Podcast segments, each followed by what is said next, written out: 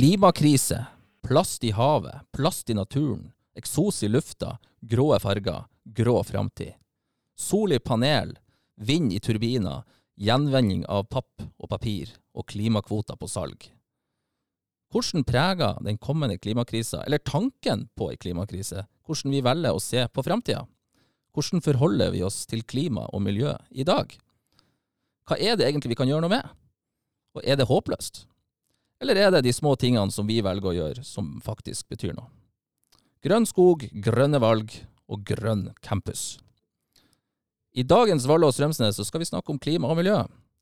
Vi skal ikke gå dypt inn i tall og prosentvise endringer fra år til år, og vi skal heller ikke gå i dybden på hva det er som skaper endringer i klimaet. Men vi skal snakke om hva det gjør med oss, og hvordan vi forholder oss til det. Vi skal snakke om muligheten for løsninger på høyt internasjonalt nivå, og vi skal snakke om hva vi gjør lokalt. Hjertelig velkommen til Vallås Rømsnes, som også i dag skal sette studenten først og fremst. Hei, Svein. Hallaisen. Hei. Hei. Ja, nå føler jeg jo, nå begynner vi å bli litt i gang. Nå hadde vi podkast forrige uke, og så er det nå denne uka. Nå er, Ja. er vi på. Ja. Og vi, vi, jeg, jeg, igjen, jeg snakker med meg sjøl. Jeg kommer til skjellsår alder. Trenger litt start eh, Ja. Trenger litt sånn rullebane for å komme i gang. altså. Ja. Eh, Nå Nå. Vi letter ikke med én gang. Vi må liksom sprenge oss litt varm, Ja. komme oss i gang. Kjenne at det her er Ja. Dette, dette er greia. Og podkast er greia. Hva tenker du om eh, dagens tema? Ja, og der landa vi igjen, kjenner jeg.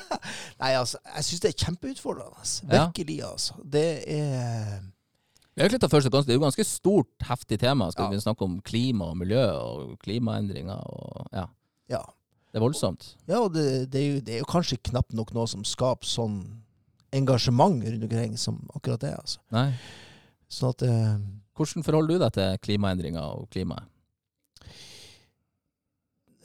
Det blir jo litt på sånn mikronivå, Ja. eh, som, som det er, tror jeg, for mange av oss. Du er jo egentlig i verstingklassen. Ja, egentlig. Som mann 50 Ja. gjør hva han vil. Ja. Eh, Ja, ikke sant? Har for, har for mye penger, ja. Har for mye tid. Har båt. Har båt, ikke minst. Måtte du si det? Bare ut på havet. Kaster tomflaske og plast i havet og sier 'til nei, faen med Nei, det'! det, det gjør jeg ikke! nei, men, det, Nei. men det, ikke sant, det er med det her forbruket, uansett hvordan vi snur og vender på det. Eh, vi i vår del av verden, vi, eh, det er jo sånne regnestykker ikke sant, på Du sa vi ikke skulle snakke mye om det, men, det, men de finnes jo der ute som Ja. viser at, at, at vi lever jo med et altfor høyt forbruk. Altså kloden vår tåler det ikke. Nei. Eh, og, og, og, og, og det må vi jo finne løsninger på. Og jeg tenker at vi er mange som famler i blinde. Mm. Eh, og kanskje ikke helt i blinde, for jeg tror også at man vet noe om hva som virker. Mm. Men det skal vi kanskje komme tilbake til. Men eh, vi skal nå famle litt i blinde i lag her eh, nå neste lille timen. Og da har vi fått med oss to flotte gjester. Han, eh, Ja. Edvard Lorud Sveen, som er på en måte student og tar, er liksom det unge alibiet inni det her. Og så har vi fått med oss eh, faktisk en eh, første, amun, første amanuensis, Ja, og Tanja Ellingsen. ikke sant? Så jeg tror det her blir bra. Jeg tror også det blir Skal vi bare kjøre i gang? Vi gjør det. Ja! Da er vi i gang. Sånn Da er vi i gang. Hei, Edvard. Hei. Du, kan vi starte med Hvem er du? Hvem jeg er? Ok, uh, Jeg heter Edvard Lorud Sveen. Jeg er 22 år og kommer fra Hamar. Ja. Og jeg går andre året på lektorutdanning i samfunnsfag. ja. Men det er jo et stykke fra Hamar til Bodø. Det er det. Ja. Men uh, det går greit. Man uh, tar fly. Ikke så klimavennlig, men uh, Du flyr. jeg flyr. Det er kanskje den enkleste måten. Litt trasig å Ja. velge å ta tog til Trondheim og Trondheim til Bodø. Ja, det, jeg holder med deg i det. Jeg syns du, Ja. du skal kunne ta det flyet med god samvittighet. Takk for den støtten. Men hvorfor ble det Bodø? Eh, helt ærlig så kom jeg ikke inn i Trondheim. Andre valget mitt var Bodø, og Ja. da kjørte jeg på med det. For da, du var ganske klar på at det var lektor du skulle bli. Ja, det var lektor i samfunnsfag som er Ja. eh, ønsket mitt, holdt jeg på å si. Hvorfor det? Eh, alt fra at man er samfunnsengasjert, at man ønsker på en måte å være en viktig forbilde for elevene. Det er jo utrolig viktig jobb med at man på en måte må danne den nye generasjonen. Mm. Og jeg føler at jeg har lyst til å være en del av den prosess. I tillegg at man får mye energi ved å lære opp folk og møte helt nye mennesker. Og Så bra. Yes. Du, hva tenkte du om dagens tema? Vi skal snakke om klima og klimaendringer miljø. Og hvordan hva, hva, hva er ditt forhold til de klimaendringene? Mitt forhold til klimaendringene er jo at uh, man ser veldig det nyhetsbildet med Greta Thunberg og uh, ikke minst eh, den på Grønn campus på Nord universitet. Mm. Ellers er det at man skal prøve å være mest klima- og miljøbevisst selv. Mm. Med at man uh, kanskje ikke reiser så mye, at man sorterer riktig, Ja. og kanskje spiser litt uh, mer miljøvennlig. Gjør du det?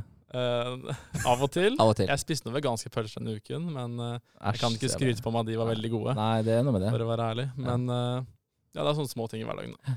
Du, så bra du er med her. Jo, takk skal du ha. Ja. Takk for at jeg fikk lov til å komme. Du, da beveger vi oss til, til, til deg, Tanja. Hallo. Hallo. Du, Så hyggelig at du ville være i lag med oss i dag. Ja, det var hyggelig å bli invitert. Ja, Du, hva, vi, du sa før, må du er ikke, du er ikke sånn, eh, noen forsker på klima eller noen sånn klimaekspert i så måte. Så Det, har vi nå, det er du ikke. Men du er, statsvit, du er på en måte førsteamanuensis i statsvitenskap, Ja. og det er rett? Jeg er førsteamanuensis i statsvitenskap og em, har skrevet litt om klima og konflikt. da. Ja. Og, Men jeg er egentlig fredsforsker, så Ja. ikke klimaforsker. nei, men klima og konflikt er jo spennende. Ja, det er det. Ja, så jeg er veldig glad for at du eh, vil være sammen med oss i dag. Men kan jeg, kan jeg starte med hva Altså Litt, litt sammenstående spørsmål til Edvard. Kan vi starte først? Hvorfor statsvitenskap i første omgang? Eh, nei, det har vel vært en eh, interesse for eh, politikk og samfunnsvitenskap egentlig, antagelig hele mitt liv. Men eh, litt tilfeldigheter leda meg til det den gangen i Trondheim. Det er mange, Ja. mange år siden. Så Ja. du, du, hadde, du studerte i Trondheim og gjorde unna både bachelor og master og doktorgrad og alt der? Ja, doktorgraden var i Oslo. Den var i Oslo? Ja. Og så, Så eh, så hvorfor ble det Bodø, da? Er du fra Bodø? jeg er fra Bodø opprinnelig. Ja. Så etter eh, mange år i eh, utflyktighet, så flytta jeg tilbake hit i 2016. Ja.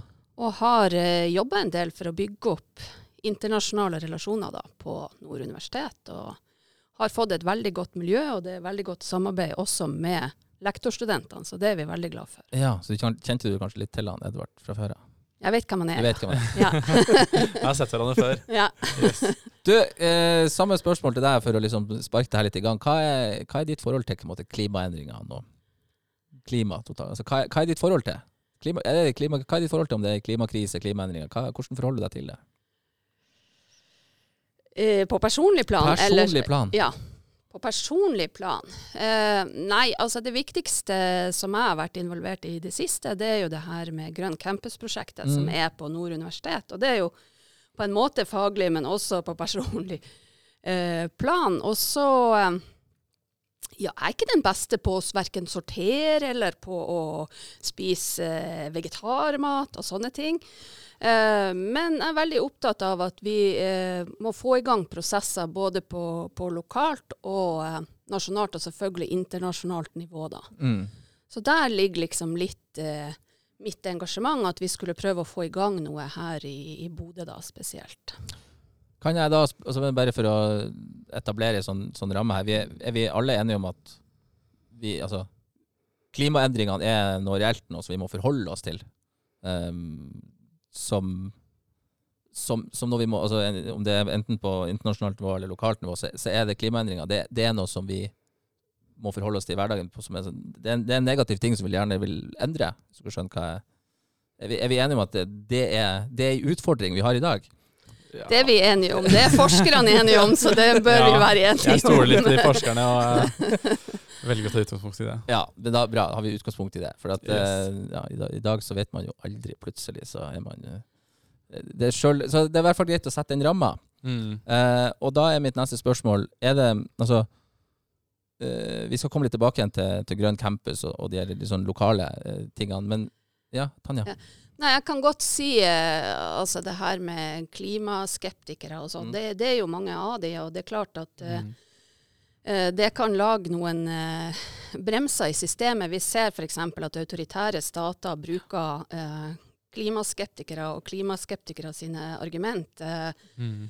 i størst mulig grad. Og samtidig så er det sånn at der er noen av disse påstandene som finnes i media, fordi Mm. de ønsker også å hva skal jeg si, skape mest mulig oppmerksomhet rundt avisoppslagene. Sånn at Mm. noen av disse hva jeg si, kusale sammenhengene de er ikke så tydelige som det ofte fremgår i media. F.eks. For forholdet mellom eh, klima og konflikt det er nok ikke så direkte som en del medieoppslag gir uttrykk for. Nei. Mm. Så der er jo noe altså Man må kunne få lov å stille seg kritisk til noen av mekanismene uten at det tror, betyr at man ikke tror at klimaendringene skjer. Ikke sant.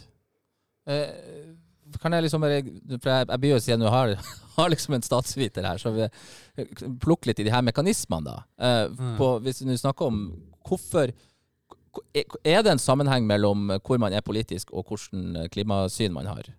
Og hvorfor er det i så fall altså, Eller hvor, hvor du, For du nevnte en link mellom autoritære stater og man bruker den samme retorikken. Altså, hvor, hvorfor er det en link? Det er vanskelig å gi noe eh, klart, eh, entydig Mm. svar på. Eh, det som vi ser da, det er jo at eh, si, Tidligere så var det et sånn skille mellom høyre- og venstresida altså liksom Mm. høyre- og venstresida i politikken. Mm. Men dette har liksom endra seg, og det er jo delvis pga. at disse partiene blir mer og mer lik hverandre. Altså Arbeiderpartiet og Høyre er ikke så stor forskjell på. Mm. Sånn at du får større grad av disse ytterkantene. Og der ser vi at det her han er grønne dimensjonen dukka opp som en ny konfliktdimensjon mot nasjonalisme, høyreekstremisme og sånne ting. Sånn at du får en sånn eh, ja, et slags skillelinje mellom de som går med FN-pins, Ja. eh, ikke sant, til, til daglig, Mm. eh, og disse som ønsker seg mer tilbake til å styrke nasjonale grenser og ikke så mye internasjonalt samarbeid. og Mm. ikke tror så mye på disse eh, klimaendringene, da. Nei. Ja. Edvard, Yes. nå er vi litt, inne på hvordan vi velger å forholde oss til um, klimaendringene. Hva, Ja. hva vi får. Vi snakka litt om før sendinga at du oppfatter også litt som en trend. Ja, At det er litt sånn trendy å være å være litt klimavennlig, Ja, kan du utdype det litt? Nei, det er vel eh, at vi får mye påvirkning fra type Jenny Skavlan, som er veldig sånn her sy om dine egne klær, og alle Ja. de influenserne som velger å ha et eh, vegansk eller vegetariansk eh, kosthold. At det er på en måte veldig populært da, og veldig attraktivt å være vegetariansk eller vegansk. Da. Og at på en måte man får et sånt ideal om at oi, hvis jeg spiser vegansk, blir jeg eh, tynnere da, får jeg bedre kropp. Men Mm. det er jo på en måte at mange kanskje tenker mer på seg selv i den eh, miljøbevisste delen, og at man skal fremstå som så innmari miljøbevisst. Hvor henter du din inspirasjon ifra?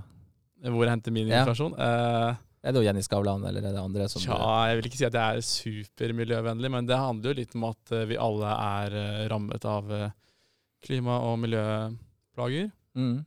Og at ja, man plukker opp ting i hverdagen som sånn Infinitum sin reklame om pant på TV med Karsten Warholm og sånne ting, og at man generelt følger eh, kjente personer som velger å fronte en miljøbevissthet. Mm. da.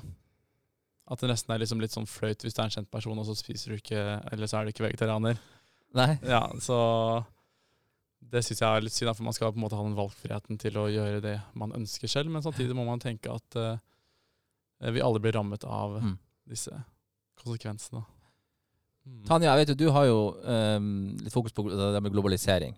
Du snakka Mm. med Edvard om de trendene og det som altså, Kan vi si at det der, altså klimakrisa altså på grunn av sånn teknolog, teknologisk utvikling og på vi har, vi har i økende grad av globalisering, så har altså den klimakrisa blitt Altså vi, vi kan relatere oss mer til, til utfordringer som helhet da, av at vi på en måte er blitt nærmere de siste årene.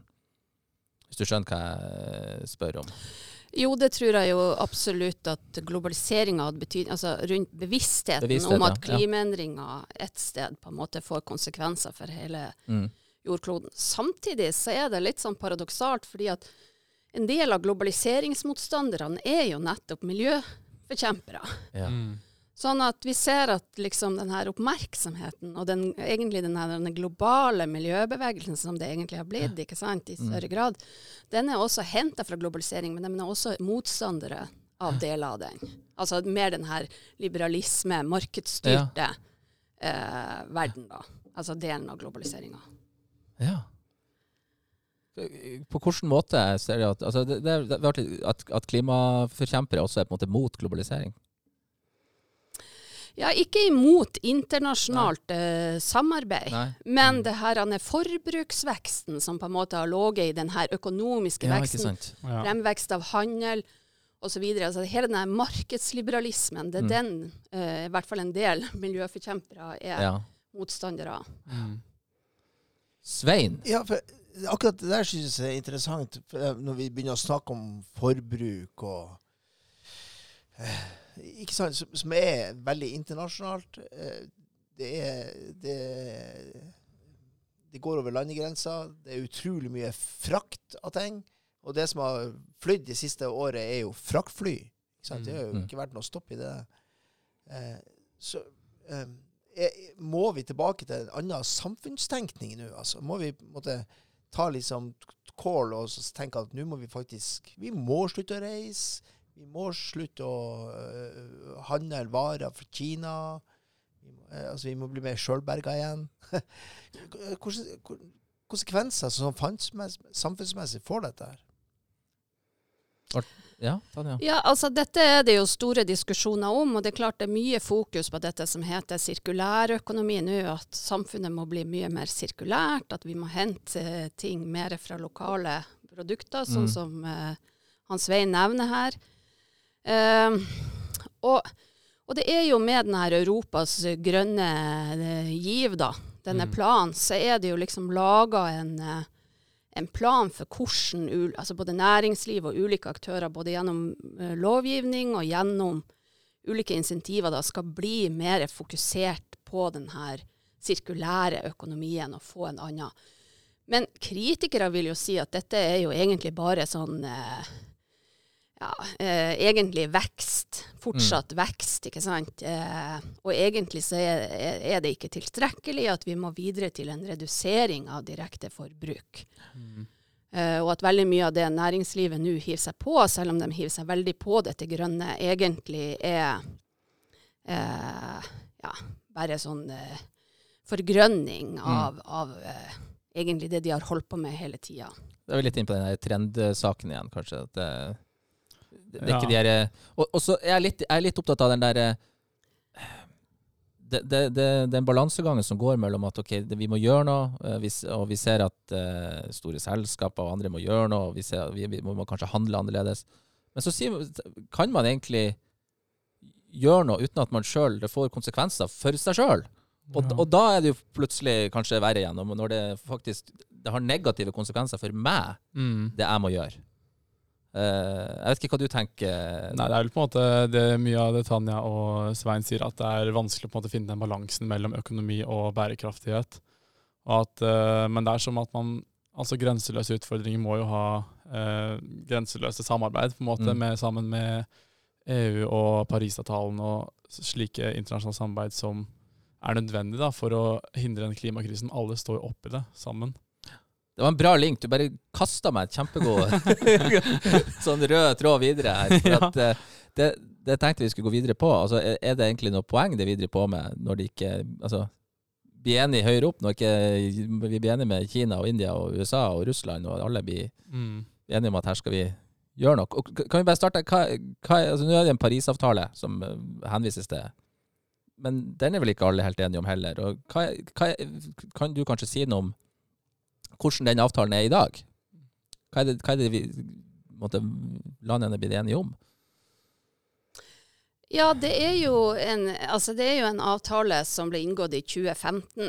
Mm. Og, og eh, det som er med avtalen, da, og som kanskje ligger eh, altså noe utfordring i, det er jo at det er frivillig for Mm. statene hvor mye de skal forplikte seg å redusere eh, sine CO2-utslipp på. Og det gjør jo på en måte Altså Vi snakker jo gjerne altså Det som har vært uh, problemet med å få til et effektivt klimasamarbeid, det er jo for det første at det er liksom uh, de rike landene som ofte står for mesteparten av utslippene. Uh, konsekvensene gjerne kjennes aller best i den fattige delen av verden.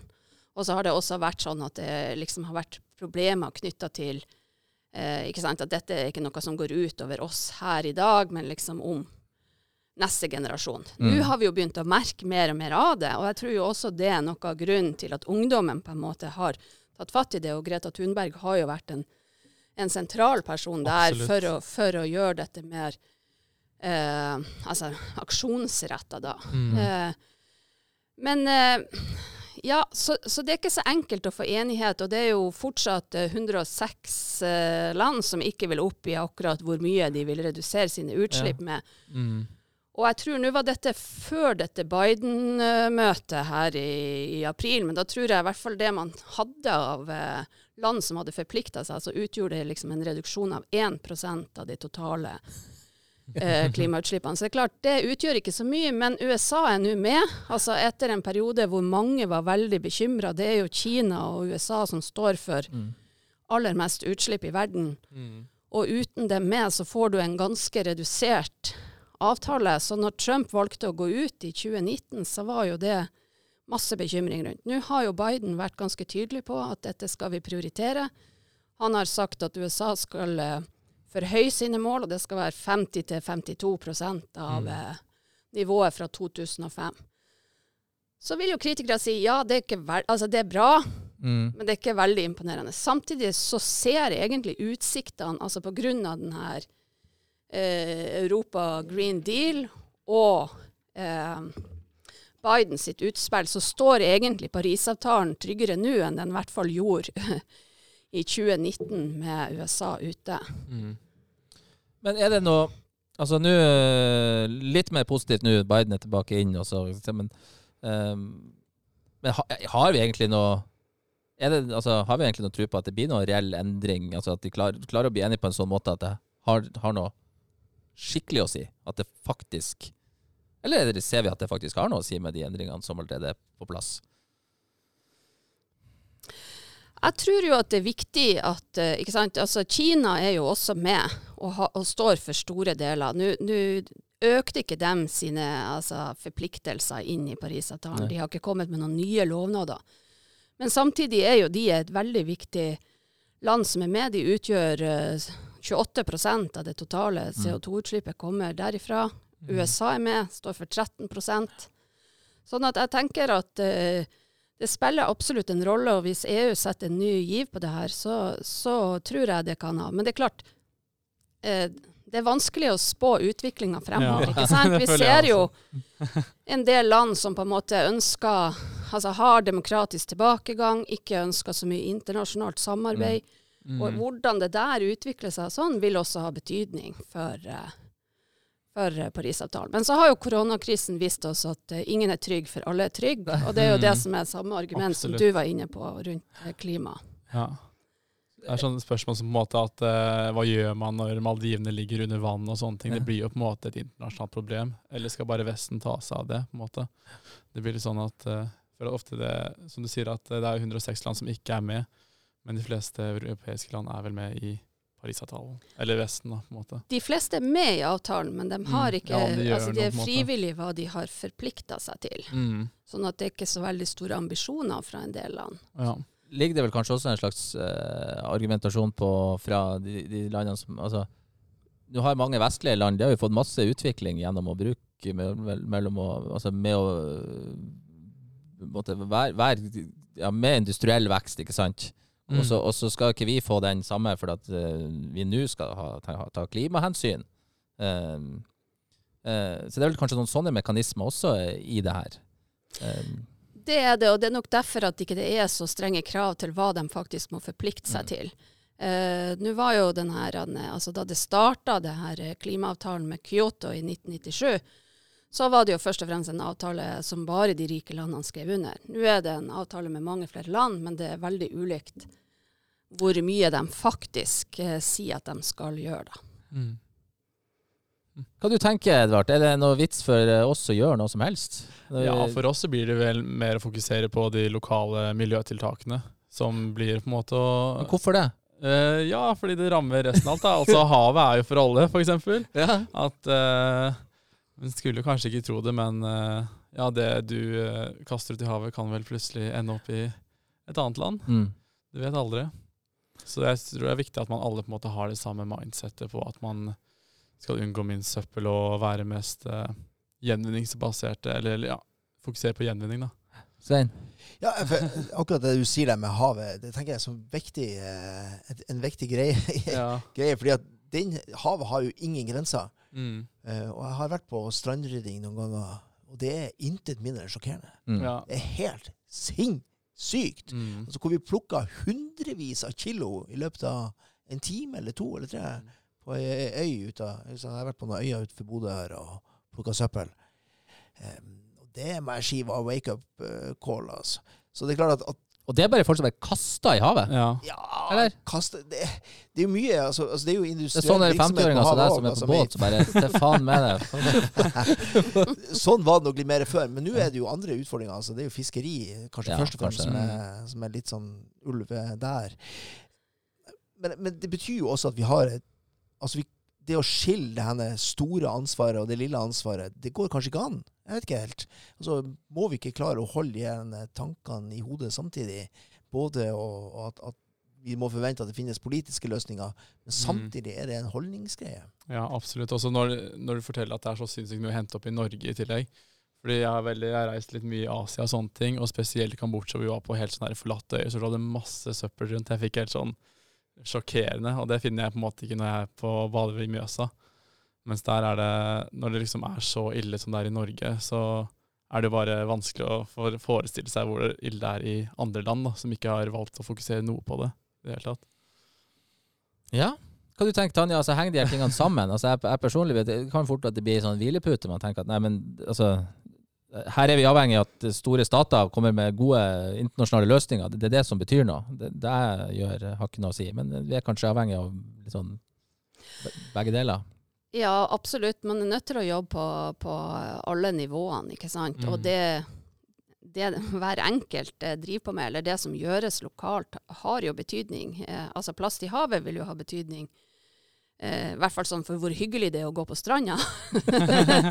eh, sant? Og sånne ting. Men, men, men, eh, men også i det her verdensbildet vil det jo ha betydning. Men det er klart, eh, noe strandplukking her på mørk, i Mørkvedbukta spiller vel ikke til syvende og sist så Mhm. stor rolle i, i den store sammenheng. Men, men eh, jeg tenker at det er viktig at vi jobber, eh, og det er jo det som er formålet med disse bærekraftsmålene. Det er jo at de skal jobbes med både internasjonalt og nasjonalt og, og lokalt. Og samtidig så er det ikke så enkelt, fordi en del av de her målene de er egentlig i konflikt med hverandre.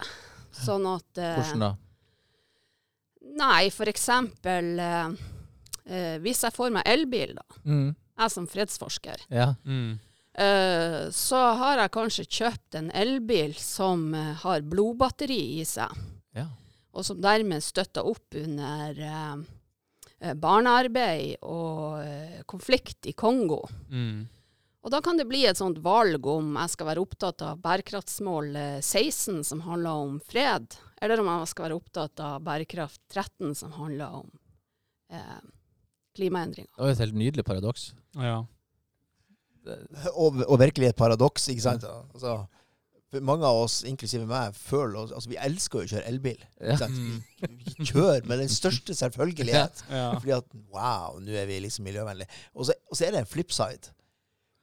Og, og det, men utfordringa med det her er jo at vi, vi kjenner jo at vi jeg, Vi sa jo til å begynne med at vi landa litt.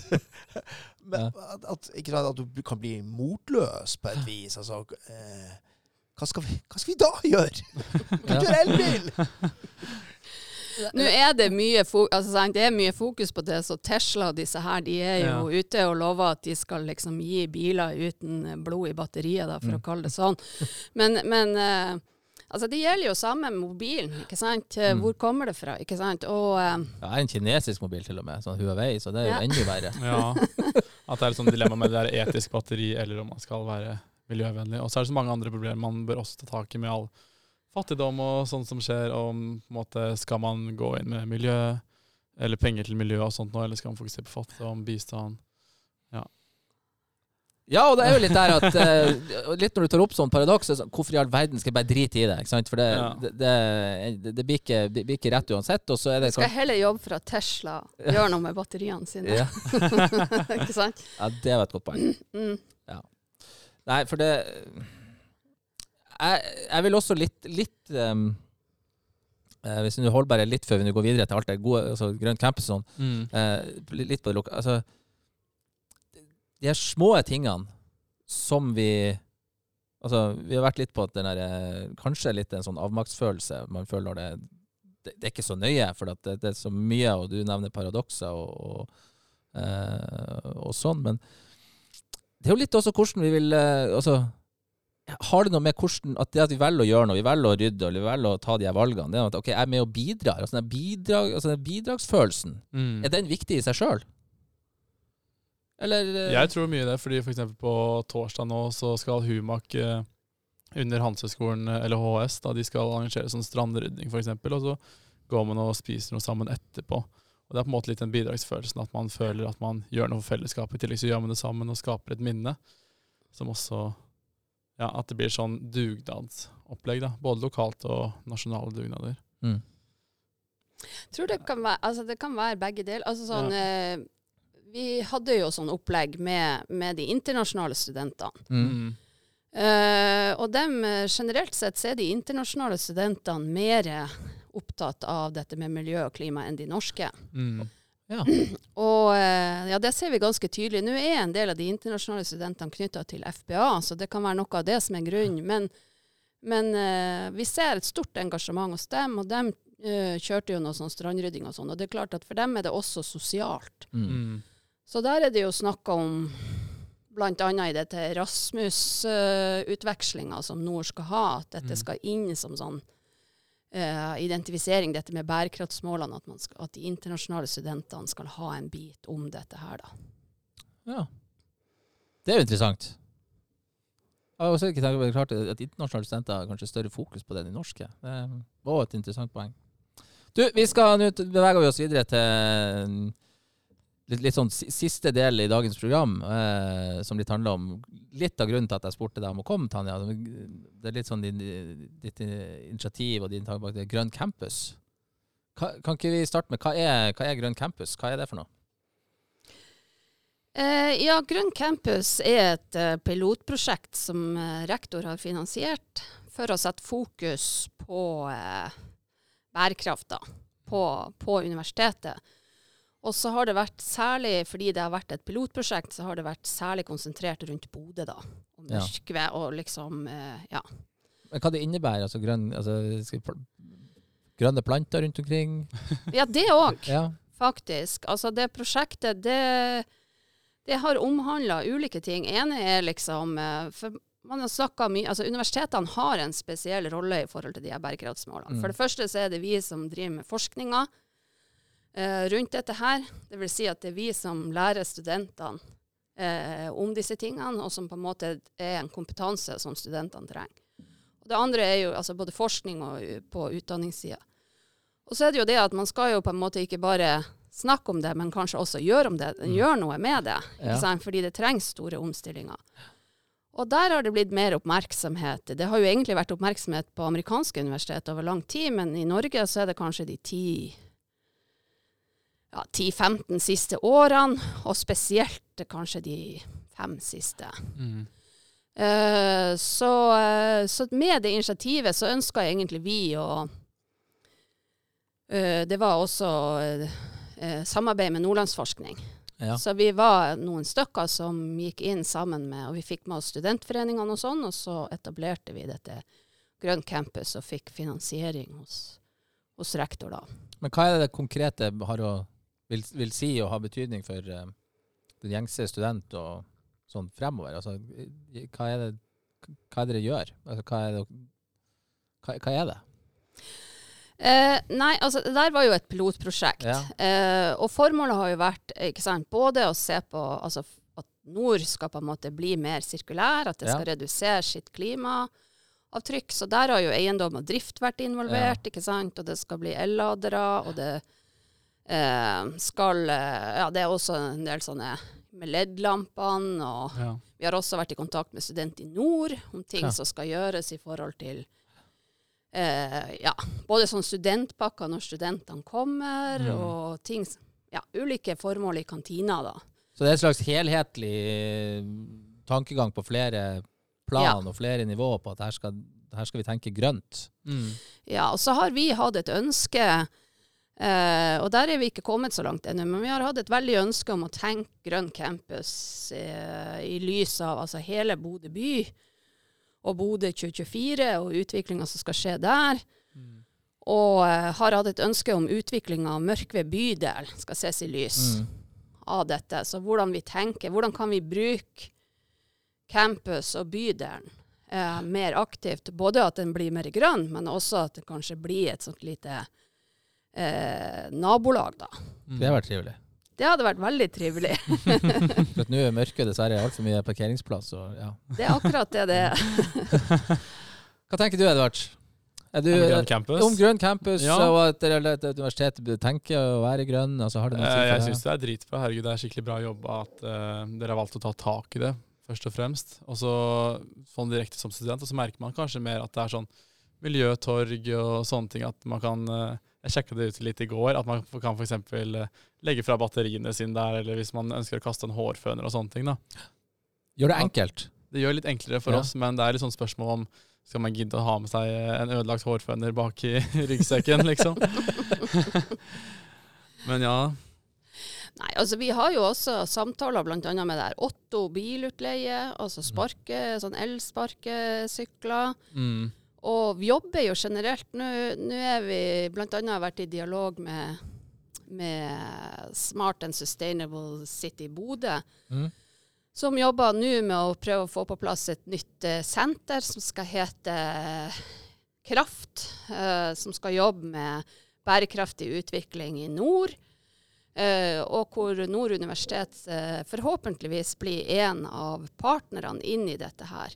Og der er det jo tenkt både at studenter skal være involvert, og det skal være innovasjonslokaler eh, og konferanselokaler og litt sånn annet morsomt for å sette fokus på det her, og, og egentlig også få nye ideer for hvordan man kan løse eh, klimaendringer. Mm. Jeg synes det er veldig kult at dere velger å inkludere studentene, og spesielt sånn studentforening og sånne ting, for det gjør mye enklere for oss at vi på en måte blir mer opplyst om det, istedenfor at det er noen oppe i ledelsen eller eh, administrasjonen som velger å sette det her i gang. da, At vi på en måte kan reklamere det på en måte litt mer for andre studenter som vi kjenner, og ja, rett og slett skape litt mer bevissthet rundt det hele. Mm.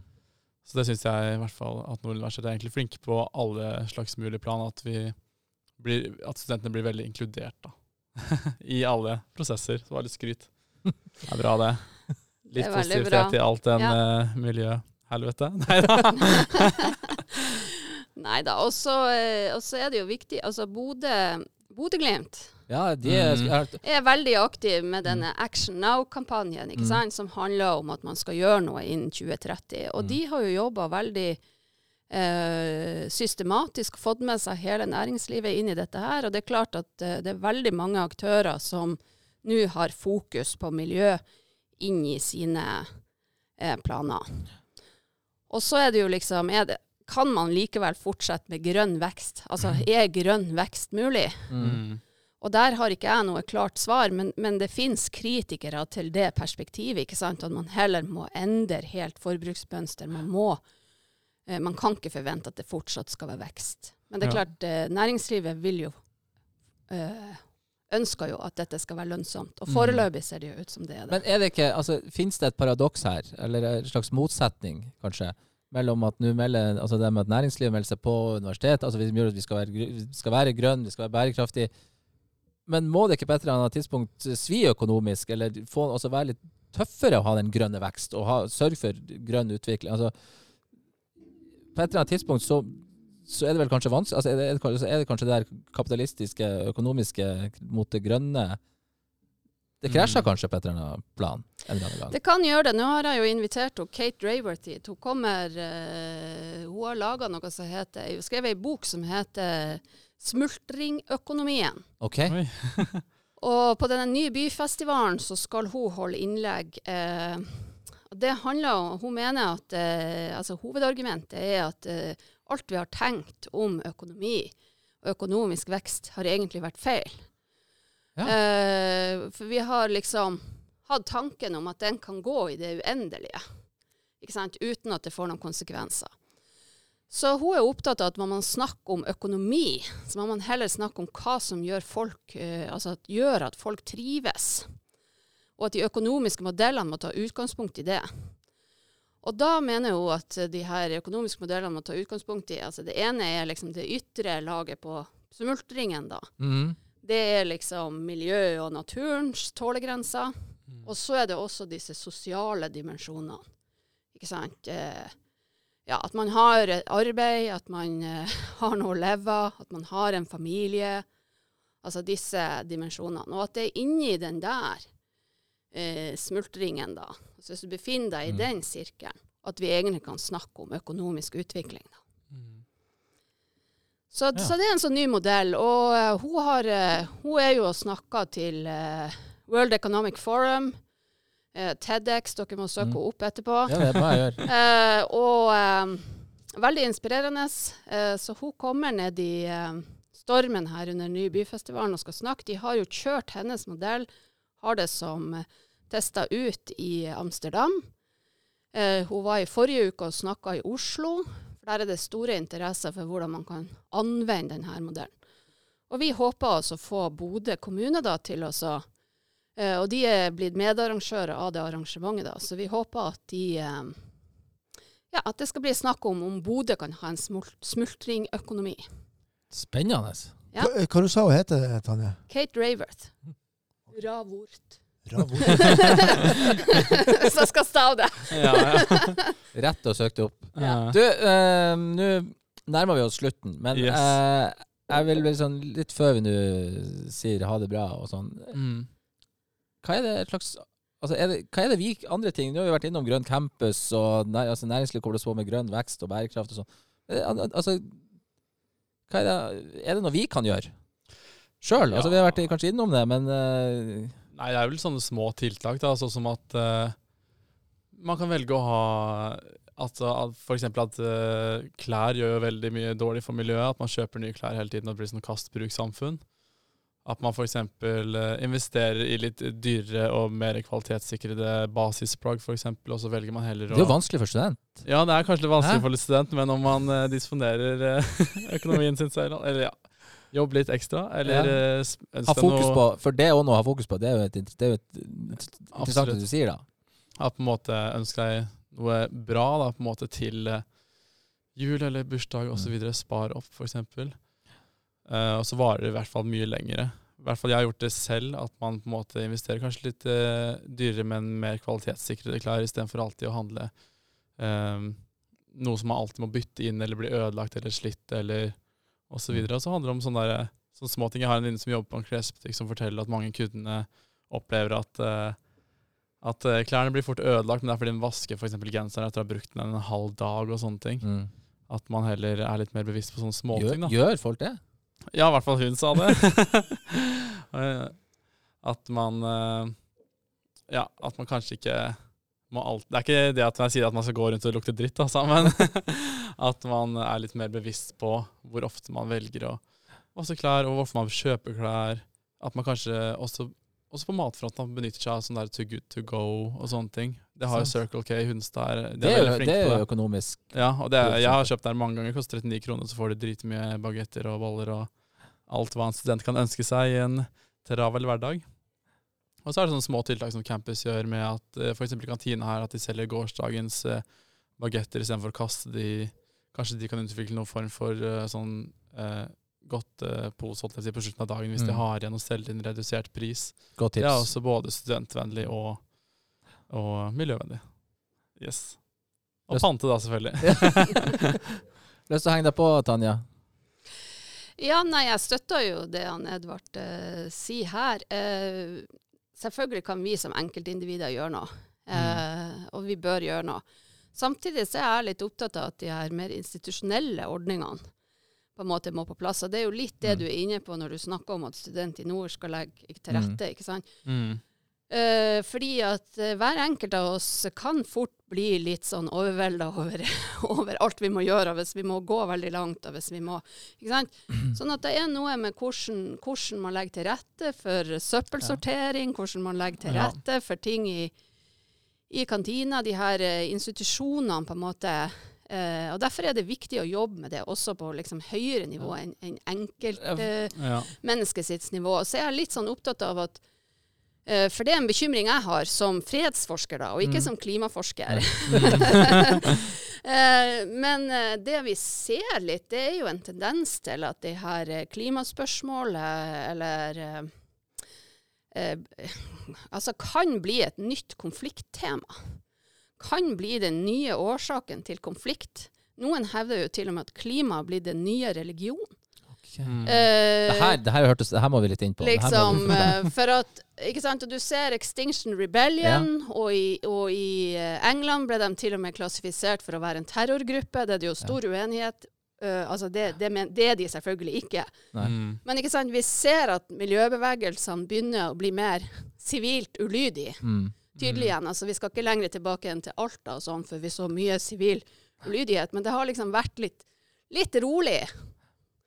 Og nå er det liksom tempen eh, blitt litt høyere. Mm.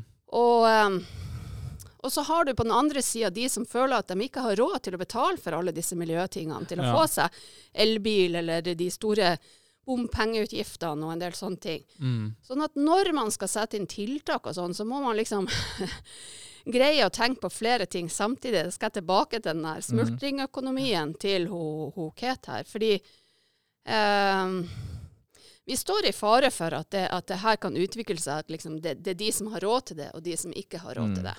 Og da har man på en måte ikke helt lykkes i den, i den klimakampen, tenker jeg. Du var- innom på så mange gode poenger her at jeg skulle gripe tak i. Men, men et, et av de tingene jeg tenkte jeg skulle gripe, gripe tak i før vi helt runde det, det er jo litt av det du sier at altså, i, I Norge for eksempel, så er det vel få politiske partier som får oppleve så mye hat som MDG. Ja. Spesielt med sånn at man skal stenge ned Oslo. Herregud, Ja, det altså, er totalitære så det, tenker, hva, er det, hva er det med de her, Du var litt inne på det, men så hva er det med de her klimatingene, altså det med parkering, bil, altså de her som skaper et så sinnssykt sinne hos noen folk? Nei, altså det er, eh, Nå skal ikke jeg snakke for hver enkelt. Jeg tror det kan Nei. være litt forskjellig. Men det kan både være at man føler at man ikke har råd, så er det selvfølgelig også begrensning av frihet. Mm. Uh, ikke sant? At du ikke Altså, du må begynne å begrense deg. Altså, du liksom ikke kan kjøre og parkere der. ikke sant? Du må liksom gå lenge. Altså, det er en del sånne At andre på en måte setter disse grensene, da, kanskje oppleves som som en innskrenking da, av den individuelle friheten. Mm. Altså Som ligger igjen i den her markedsliberalismen og fokuset på individet. Ja. Svein? Nei, jeg, jeg, jeg, ser jo det. Men, og samtidig så tenker jeg at nå har vi også hatt, og vi har, en pandemi gående som har vist at det er faktisk helt mulig. Altså, hadde det ikke vært en pandemi, så hadde vi faktisk gjort mange altså, Sett fra et miljøperspektiv. Så det at folk må slutte å reise og, og holde seg i ro. Altså, det, er jo, det er jo miljøtiltak. Og det viser jo at det faktisk er mulig, bare man eh, måtte ha litt viljen. Og det syns jeg jo er kjempeinteressant, for det er jo ikke Noen har jo klaga på det også, og vi har noen steder. Vi har sett noen litt artige sånn. eksempler på, eh, på folk som har litt motstand mot det. Ja. Men samtidig så viser det jo at det faktisk er mulig. Um, ser, vi- altså Er denne pandemien, til tross for at det har vært noe dritt, også en slags spore til at vi ser at det er mulig å løse det her? Ja, nå er det jo litt sånn eh, Man regner vel, jeg tror eh, Ja, jeg tror de totale utslippene var rundt eh, 9% mindre i 20, altså under korona. Mm. Eh, så klart, eh, det hadde jo sin eh, eh, betydning. Eh, og jeg tror jo helt klart at vi har sett liksom hva teknologien kan gjøre, og at vi kan spare oss ganske mye reiser.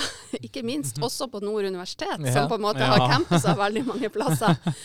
Og så Det er jo en av de tiltakene som, eh, som vi har vært opptatt av at Nord bør gjøre noe med. Så det, det fikk de nå gjort da nå i, i det, Det her året. Men, Mm. men eh, ja, så jeg tror jo det blir mer av det, og det, og det er kjempeviktig. Og samtidig så, eh, så er det jo altså det, det er jo ikke noe sånn at den teknologien løser alt. Det ser vi jo veldig godt. Altså Dere som har hatt podkast om Ja. ensomhet og studenter, og Mm. jeg har jo kjent ganske godt det her siste året at jeg har hatt hjemmekontor Mm. et år. Eh, så liksom Det er jo ikke løsninga på en måte at vi bare eh, blir sittende hjemme da, fordi at Ja. vi ikke skal kjøre bil, eller vi ikke, liksom. ikke skal eh, reise. Så vi må liksom kanskje finne en sånn eh, Ja, et eller annet slags uh, gyllen middelvei, heter Ja. det. Uten at jeg vet helt hvor den eh, grensa skal gå. Men, mm. men veldig viktig at det her ikke blir en polarisert sak, som jeg mm. syns egentlig jeg ser tendenser til. For da er det fort litt skummelt. For at det, da er Hvis det blir litt sånn skyttergrav at det blir svart-hvitt, og så har man enten helt rett, så har de på andre sida helt feil, så, så skaper det i hvert fall en va- vanskelig utgangspunkt for å komme seg fremover. Mm. Ja da, det skaper også en del mistillit. Eh, altså, vi har jo sett det, Nå handler jo det om korona, men altså en del av de tiltakene som settes i gang i forhold til korona, har jo møtt masse motstand, ikke sant. Og, eh, og da kan du få protester, og i verste fall så kan du jo ende ut med, med politisk uro, da. Da tror jeg vi sier eh, Jeg, jeg kjenner jo sjøl, her kunne jeg prata lenge og masse om. Jeg syns det har vært utrolig fint og spennende. spennende, og han er sykt flink til å ha masse kunnskap om det, så jeg følte meg litt sånn Det er bra at det er noen som har den faglige kompetansen. Jeg syns det har vært veldig fint å ha både Tanja her, og jeg syns det var veldig fint å ha deg, Edvard, her. Og høre. Ja, tusen takk. Syns det her har blitt eh, Jeg tror det her blir en god podkast. Det her ble veldig bra, faktisk. Og, eller, utrolig interessant. Ja. Og utrolig nyttig, faktisk. For her må vi jo fortsette å snakke om dette også. Ja, helt klart. Så mitt, mitt lille, min lille sånn kort oppsummering eh, nå før vi sier ha det bra, det er at eh, vi kan alle gjøre litt. Vi kan alle bidra med våres. Eh, ikke snakk så hardt til de som er helt uenige, men heller sette seg ned og prøve å ha, en god prat. Mm. Eh, noen må gjøre noe med alt det, all den plasten, syns jeg. Eh, Jf. Måte det som ble sagt om at det går litt på institusjonelle ting òg. Noen politikere må få bort Vi trenger ikke all den plasten, så det må noen gjøre noe med. Og så Ja. Til, til neste gang så, så tror jeg vi bare sier ha det bra. Fikk jeg ut litt rant på slutten. Det gjør vi. Ha det bra. Ha det bra. Ha det takk for meg.